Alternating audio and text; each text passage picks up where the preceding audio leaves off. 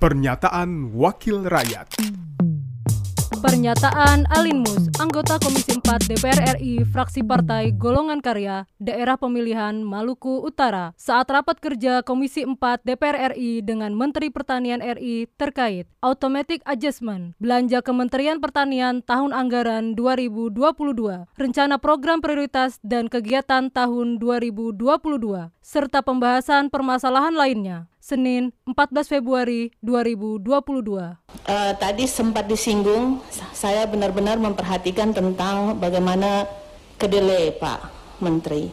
Kemarin ada lagi usut masalah yang saya share di grup Komisi 4 bahwa akan terjadinya mogok kerja tentang uh, pengusaha atau pengrajin tempe dan tahu.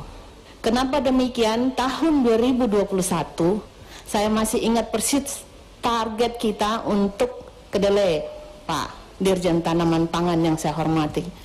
Sampai saat ini kita juga harus mendapatkan report dan hasil dari tahun 2021 yang ah, ah, kalau nggak salah akan kita dapat itu di bulan 11 kemarin ya kalau nggak salah ya hasilnya ya terus tentunya kita tahu persis bahwa import kedelai ini juga untuk kebutuhan industri tapi juga menjadi kebutuhan konsumsi dalam negeri ini yang harus kita tekankan walaupun tidak adanya RIPH untuk kedelai tapi setidaknya kalau bisa kita memberikan peraturan untuk kedelai ini Pak Menteri karena ini bebas. Pernyataan Alin Mus, anggota Komisi 4 DPR RI, fraksi Partai Golongan Karya, Daerah Pemilihan Maluku Utara, Produksi TV dan Radio Parlemen, Biro Pemberitaan Parlemen, Sekjen DPR RI.